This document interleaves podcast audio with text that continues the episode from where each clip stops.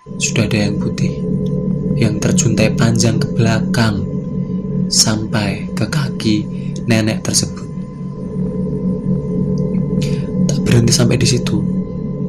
Kengerianku mulai muncul. Ada yang aneh dengan nenek ini. Karena ketika dia jalan ke arah pohon nangka, dia sambil menyeret rambutnya yang sangat panjang. Waktu itu aku langsung kaget. Tapi aku belum berlari karena aku masih berpikir. Otakku belum berpikir 100%. Aku masih berusaha mencerna. Ini manusia atau bukan? Karena waktu itu aku juga masih kecil kan. Namun sampai tiba-tiba nenek itu tepat berada di depan pohon nangka.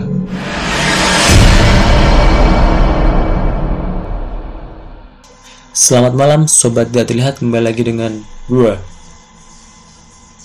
dan teman gue Hadid Abdurrahman dalam podcast Luda Nangocok. ya jadi kali ini uh, eh sebelumnya ini dulu ya sebelumnya uh, bukan kita sih gue gue mau ngucapin makasih banget buat seluruh sobat tidak terlihat yang udah ngedengerin podcast kita dari awal sampai akhir. Dari dulu yang masih kresek-kresek sampai sekarang ya sama aja sih kresek-kresek kita mau ngucapin makasih banget. Terus juga uh, makasih banget buat seluruh supportnya yang udah diberikan. Ya entah itu melalui penyu ngasihin mutiara ataupun ngasihin apa itu namanya? Di penyu kan ada di penyu FM mungkin buat kalian yang pakai penyu pasti tahu. Terus juga makasih juga yang udah uh, subscribe ke channel YouTube kita yang dulu dari nol terus sekarang ya lumayan lah ada 433 subscriber. Ya itu harapannya sih bisa bertambah lagi ya. Itu pokoknya makasih banget buat seluruh sobat terlihat yang udah uh, support kita sampai sekarang. Begitu Nah terus ya tadi ya, jadi uh, ini gue record sendirian, nggak sama Gilang ataupun Mas Abe, karena Mas Abe kan spesialis segmen santet dan selain santet ya gue sama Gilang, cuman karena seperti yang kemarin udah kita jelaskan, Gilang sudah kembali ke alam asalnya, alam Tangerang Selatan. Jadi di Jogja ini cuma ada gue yang ya kalau ada yang bertamu di Jogja ya tak terima jadi ini kayak semacam kita buka cabang gitu ya sobat ya terlihat. Ada cabang Jogja atau cabang timur sama cabang Jakarta cabang barat. Kayak gitu. Nah terus uh, episode kali ini kita ada di segmen serem gak sih? Kalau serem ya ntar itu ntar, tapi sebelum kita masuk ke segmen serem gak sihnya gue mau dikit curhat kali ya. Jadi ini mungkin jadi satu-satunya episode yang yang dibawain sendiri ya. Sama sama ya sama salah satu antara gue sama Gilang sih. Kan kalau Gilang kan kemarin masih Jakarta itu ngerinding sama Toro itu kan dua orang. Gak pernah sendiri. Ini gue sendiri nih yang ngebawain. Ya karena gimana Mas Abe kan di khusus segmen santet. Terus kalau Gilang ya dia ada di Jakarta dan baru masuk kerja baru kan. Jadi dia itu masih sibuk lah dan masih beradaptasi dan belum bisa join. Ya harapannya ya minta doanya aja biar dia segera settle dan ya bisa join lagi sama kita. Kayak gitu. Tapi ada satu ini sih ada satu episode yang dibawain sendiri tuh episode akuisisi ya yang Toro cerita itu dia sendiri doang itu. Yang begini nih nggak tahu feelnya gimana. Gue juga belum pernah mencoba ngebawain Nucong sendiri Ya ntar coba dilihat aja di episode pertama. Serem gak sih? Nah jadi begini sobat tidak terlihat. Episode kali ini ada yang spesial nih Dari Serem gak sih kali ini? Karena kita sudah memilih 10 cerita Ya bisa dibilang terbaik sih. Terbaik dan terngeselin versi gue sama Gilang ya. Yang itu bakal kita bawakan khusus di platform Penyu FM Jadi episode serem gak sih kali ini gak bakal ada di mana pun kecuali di Penyu FM.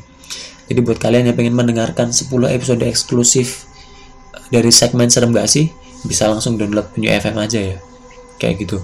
Nah, mungkin kita bisa coba langsung masuk aja kali ya ke ceritanya cerita yang pertama gue sok-sokan kayak ini podcast bagi horor ya ntar kalau kalian merasa aneh ya mohon dimaklumi karena gue sendiri belum pernah ngebawain uh, lucong sendirian ya. Pasti ada tektokannya cuman ini ya sendirian banget sih di kamar sih. Anjir ya semoga nggak ada apa-apa ya. Gitu. karena gue sebenarnya tuh sebel kalau ngebawain sendirian. Ya karena kan Arno juga kan orangnya jadi males banget. Cuman karena tuntutan kondisi ya sudahlah mari dicoba. Begitu. Jadi cerita yang pertama ini adalah uh, eh, gue akan ngebawain cerita dari salah satu sobat tidak terlihat yang bernama Mas Robi Gustiantoro. Nah, Mas Robi Gustiantoro ini mengirimkan ceritanya udah lumayan lama ini karena emang uh, karena beberapa bulan lalu kan saking banyaknya tamu segmen serem gak itu sempat kita hold untuk beberapa saat itu. Nah, ini adalah Mas Robi ini mengirimkan ceritanya pada tanggal 17 Juni 2019. Jadi udah hampir ini ya, adalah setengah tahun yang lalu. Ini ceritanya sudah mengendap sangat lama. Sebelumnya ya gue sampai bilang minta maaf dulu sama Mas Robi karena ceritanya lama. Cuman ya ini kita bawakan di segmen eksklusif gitu. Jadi ceritanya ini menurut gue sama Gilang lumayan unik lah, lumayan unik buat dibahas. Jadi bagaimana ceritanya? Oke, mari kita masuk ke cerita. Robi Gustianto, salah satu sobat tidak terlihat yang sudah mengirimkan ceritanya kepada kami di pertengahan tahun 2019. Robi sendiri uh, ya nggak tahu dia domisilinya di mana. Sosokan serius banget. Ya. Jadi balik lagi ya, Mas Robi ini uh, mengirimkan dua cerita cerita yang pertama adalah uh, cerita tentang ya gak asik ya kok diceritain ya. Yang penting gini aja lah. Gua kasih judulnya aja. Jadi judul dari Mas Robi ini kita beri judul Nenek Rambut Nangka. Nenek Rambut Nangka pernah kalau kalian penasaran ini gimana ceritanya? Apakah neneknya rambutnya lancip-lancip gitu atau anak pang atau kayak gimana nah mari dengerin aja ceritanya. Tuh. Jadi kita masuk ya. Kenalin nama saya Robi Gustiantoro. Saya mau berbagi paranormal experience pribadi dan dari orang-orang terdekat saya. Mungkin saya sudah agak-agak lupa karena sudah uh, ada kejadian yang udah lama banget. Maksudnya kejadian ini udah lama banget Maaf kalau ceritanya loncat-loncat. Oke mas, siap gak apa-apa. Jadi Mas Robi ini mengirimkan dua cerita seperti seperti yang udah gue bilang tadi. Yang pertama adalah uh, dia kasih judul Nenek Rambut Panjang. Wah ini gimana ceritanya? Mari kita simak lagi. Jadi cerita ini berawal antara tahun 1995 sampai sampai 1998. Wah ini gue baru umur setahun ini tahun 95 saya lupa-lupa inget tahunnya ya cuman kurang lebih ya uh, estimasinya antara tahun 95 sampai tahun 98 waktu itu saya kira-kira berada di kelas 4 atau 5 SD ini masih kecil ya. Dan baru pindah rumah ke daerah pinggiran Bintaro yang pada saat itu terasa jauh banget. Padahal saya sebelumnya tinggal di Rengas Bintaro sektor 2 oke kita hold dulu uh, masalah Bintaro kalau gue pribadi sih pernah ke Bintaro. Beberapa kali ngurusin ada proyek di sana. Ya karena gue ke sananya tahun kemarin ya. 19 sama 20-an ya jadi udah rame. Tapi gue gak kebayang sih tahun 95 sampai 98 tuh gimana. Apalagi kan itu kan di kan ada tragedi ini ya tahun 98 lengseran Soeharto itu kan itu pasti ya serem sih. Oke kita lanjut jadi di daerah rumah saya yang baru ini, di pinggiran Bintaro, masih banyak tanah kosong. Alang-alangnya juga masih tinggi, jalan tol banyak yang belum selesai. Pokoknya daerah sana itu masih sangat sepi.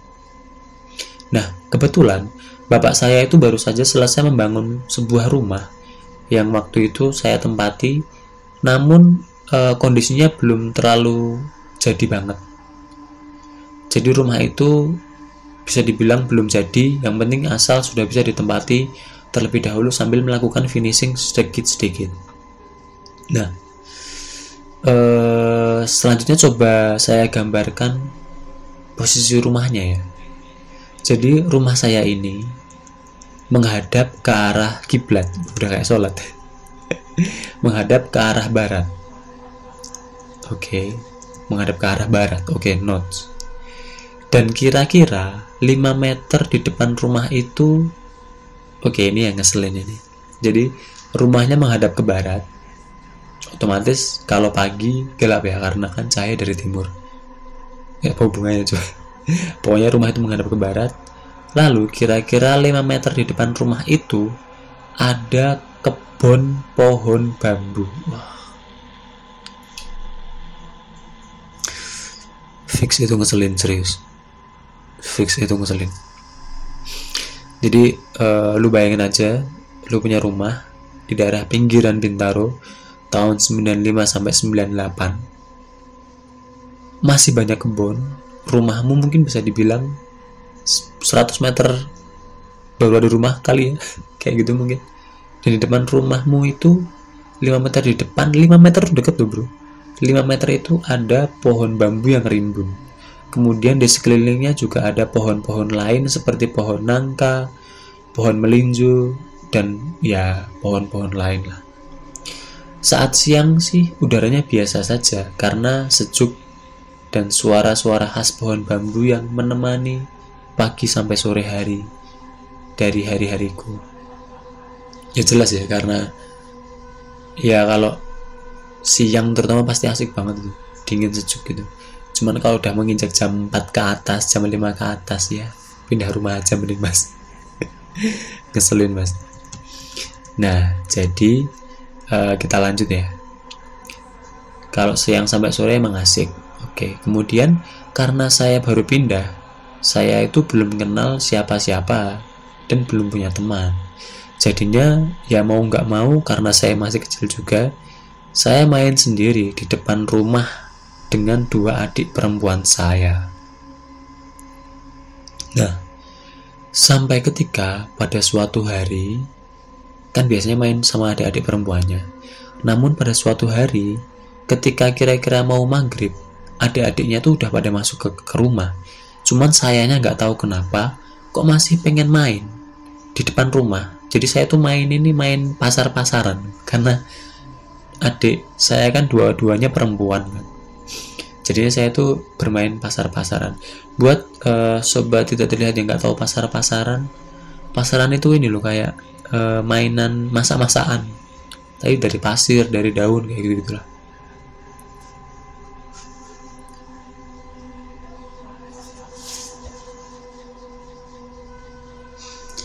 nah ini kok tidak enak ya jadi ini kan dikit OOT gue rekod di rumah sendiri tapi kok anjir.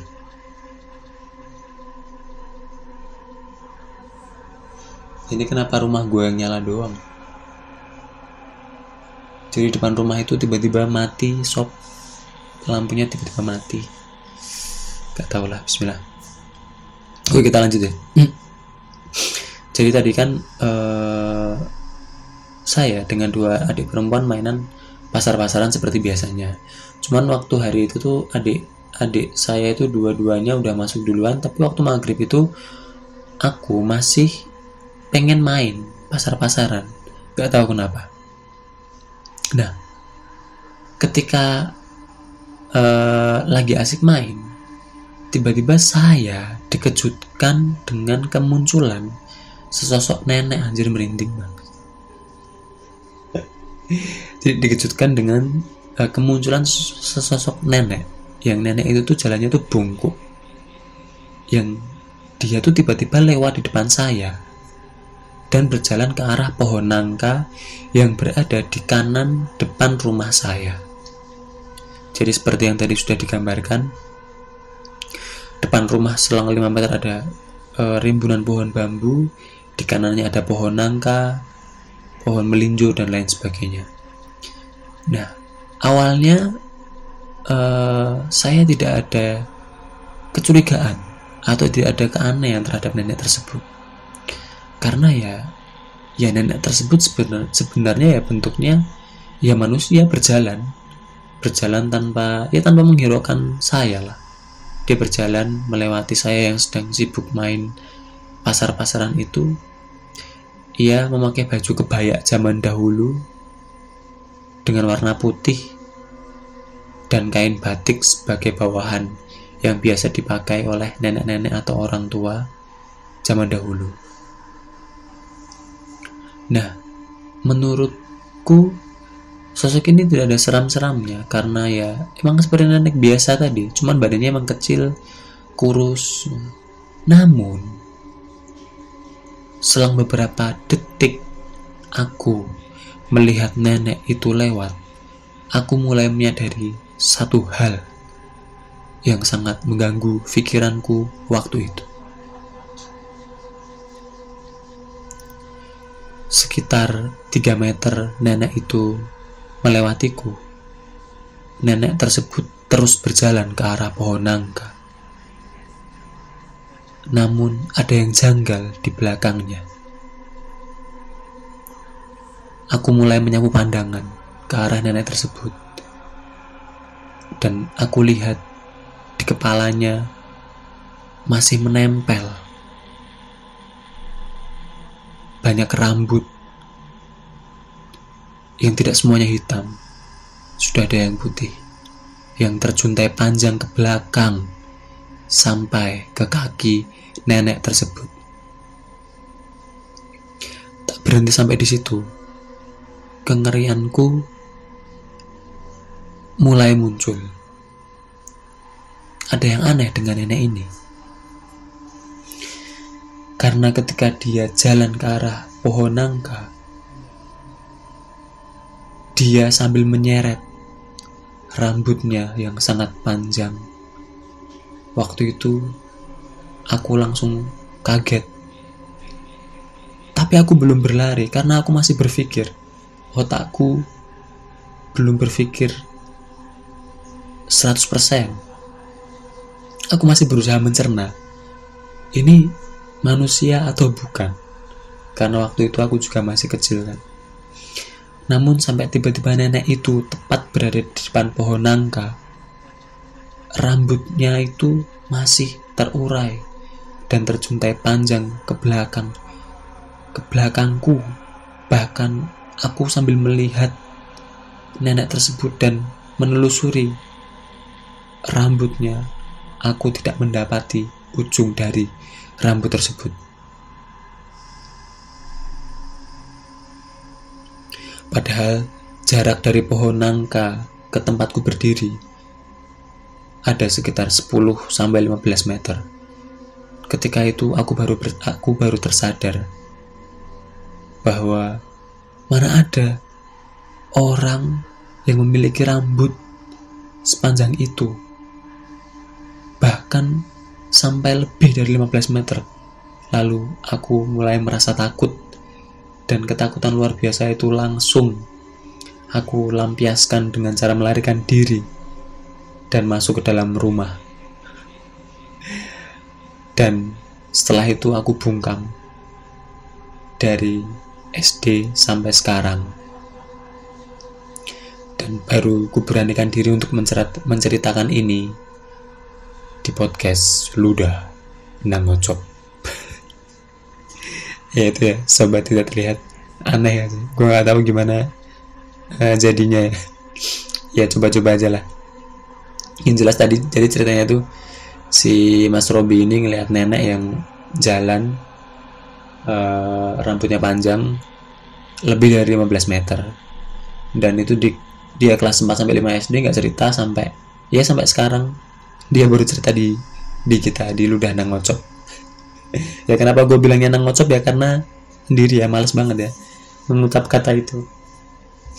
Ya udah tapi sebelumnya makasih banget buat Mas Robi karena udah ya mau menceritakan pengalamannya di sini. Dan ini kan the first time ya pertama kalinya cerita ke kita. Nggak ke orang lain. Thank you banget.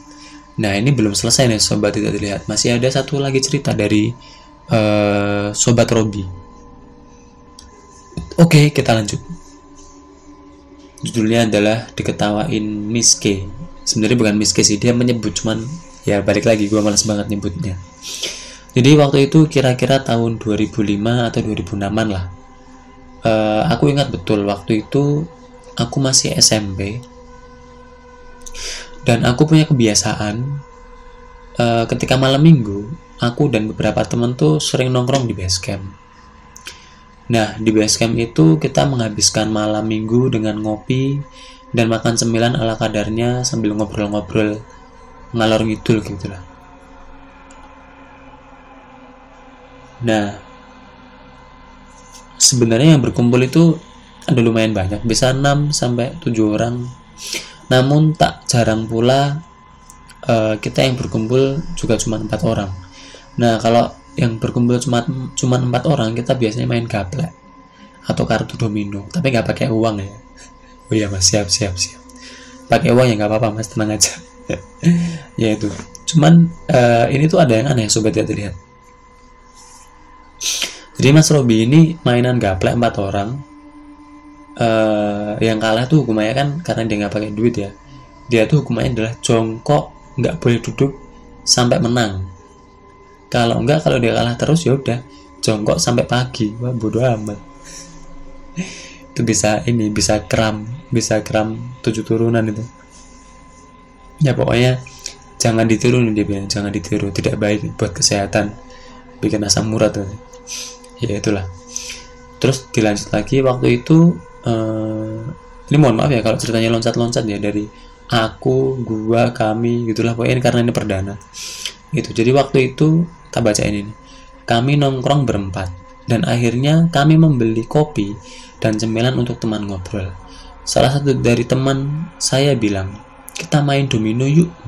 Yang kalah nongkrong. Nongkrong itu maksudnya tadi jongkok sampai pagi tadi. Akhirnya kita mainlah hingga tidak terasa sudah jam setengah satu malam. Nah, namun uh, malam itu agak aneh karena itu kan malam minggu di base camp.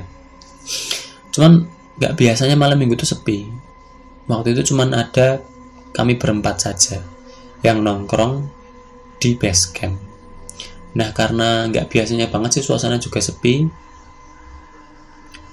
Jadi ya ya udah waktu itu kita sebenarnya ya ngobrol-ngobrol biasa aja dan ya nggak kepikiran apa-apa sih cuman biasa aja gitu. Nah ini Mas Robi ini e, menceritakan kondisinya sobat tidak terlihat jadi gini saya ceritakan sedikit suasana base camp. Nah base camp itu tuh dibangun di sebuah garasi mobil salah satu temennya Mas Robi. Dan di, di garasi itu tuh dibuat sebuah kamar juga. Jadi ya garasi menangkap kamar gitu lah terus buat nongkrong nongkrong Nah, di samping kamar itu, ya ini bayangin samping rumah ya, ada kebun e, banyak yang isinya tuh pohon-pohonnya gede-gede di situ. Ada pohon rambutan, pohon mangga, pohon karet, kayak gitu dan banyak pohon lagi. Yang jelas ada samping rumah itu kebun gitu. Nah, terus e, di samping base camp eh bentar, sebelum. Nah, terus e, tadi kan kalau di sisi samping kiri itu kan ada kebun tadi. Nah terus rumah temennya itu tuh temennya Mas Robi ya otomatis ya itu ada di depan dan di kiri base camp. Eh sorry kebunnya itu berarti di sisi kanan. Jadi uh, kan ini bayanganku sih harusnya rumah Mas Robi yang baru ya. Mungkin tadi kan analisanya kayak gini ya rumah baru yang di Bintaro tadi kan ngadep ke barat. Berarti rumahnya ini baru rumah temennya. Yang ada di seberangnya ya ada di seberangnya rumah Mas Robi. Terus di sisi kanan tuh ada kebun di sisi kiri tuh rumah temennya Mas Robi. Depannya tuh rumahnya Mas Robi terus temennya juga ada gitu lah. Nah terus uh, lanjut lagi ke cerita tadi ya. Mereka akhirnya main domino main domino. Nah ketika asik-asik di tengah permainan mereka bayangin aja empat orang main gitu ya. wah lu nih gini gini gini. Tiba-tiba dari samping base camp itu terdengar suara itu Miss K. Lagi ketawa dengan asiknya. Ya bodo amat ketawanya gimana gua gak mau tahu ya. Intinya tiba-tiba mereka mendengar suara Miss K. Nah dan apa namanya durasi ketawanya itu lumayan bro. Adalah sekitar 3 sampai 5 detikan ketawanya. Nah ketika itu juga uh, si Mas Robi ini mendengar dengan sangat jelas. Tapi dia diem aja karena dia takut. Kalau dia bilang nanti teman-temannya pada takut kan terus pada bubar kan nggak asik banget. Akhirnya dia cuma bilang cuman diem lah. Nah cuman uh, selang beberapa saat tiba-tiba itu ada salah satu temennya. Ya semua sih sebenarnya. Itu mendengar suara lagi ketawa tapi suaranya itu semakin uh, mendekat ke mereka. Semakin mendekat tapi agak senyap. Terus mulai jelas gitu lah. Akhirnya di saat itu juga mereka berempat kompak bilang pulang aja yuk. Dan akhirnya se uh, serentak juga mereka menjawab ayo ayo udah gak enak nih suasananya. Wah kompak ya kalau hal kayak gitu ya. Akhirnya uh, kita pulang dengan cara saling antar. Jadi mereka pulangnya itu saling antar. Karena dua teman yang lain rumahnya beda jalur dengan saya saya dan satu teman saya uh, tetanggaan jadi bisa pulang bareng. Ya itulah. Ya tadi ya uh, dia ceritanya gitu aja sobat tidak terlihat. Nanti ya mungkin aku ngebawanya yang jadi anti klimaks sih. Tak perbaiki lagi cara membawanya. Yang jelas setelah tadi rekapnya mereka main domino dengar suara kayak gitu. Terus kayak cuek pertamanya tapi tiba-tiba kok semakin dekat akhirnya mereka kompak bilang pulang aja yuk dan akhirnya mereka balik. Nah itu sih uh, ceritanya cuman ya mentok di situ saja. Ya. Ya tadi ya uh, sobat tidak terlihat cerita dari Mas Robi Gustiantoro makasih juga buat Mas Robi yang sudah mengirimkan ceritanya. Jadi uh, menurut kalian cerita dari Mas Robi ini serem nggak sih? Kalau serem bilang serem ya di kolom komen YouTube Instagram atau Twitter kita. Kalau kurang serem kirimin cerita lu yang lebih serem. Kayak gitu. Ya udah uh, mungkin kita nggak lama-lama kali ya. Karena gue sendirian juga ini mulai panas dingin di kamar tidak asik gue sekali. Yaudah kalau gitu makasih banget buat seluruh sobat tidak terlihat yang udah ngedengerin kita sampai sekarang. Thank you banget udah support kita. Jangan lupa ya uh, subscribe kita di YouTube. Karena kita ada konten baru uh, segmen santet. Itu akan kita kemas lebih menarik. Yaudah itu aja. Uh, terus juga kalau buat kalian udah ngedengerin episode ini tolong dong kasih mutiara sama kasih penyu di aplikasi penyu FM nya karena itu bisa membantu kita untuk terus semangat membuat konten seperti ini. Oke udah gitu aja. Kalau begitu gue Hadid Abdurrahman dan ya Gilang Ageng Nugroho yang ada di Tangerang Selatan sana. Ya nggak tahu dia mungkin masih lembur sekarang atau udah tidur gue juga nggak tahu. Ya itulah pokoknya uh, kami berdua pamit undur diri. Salam lucong cuh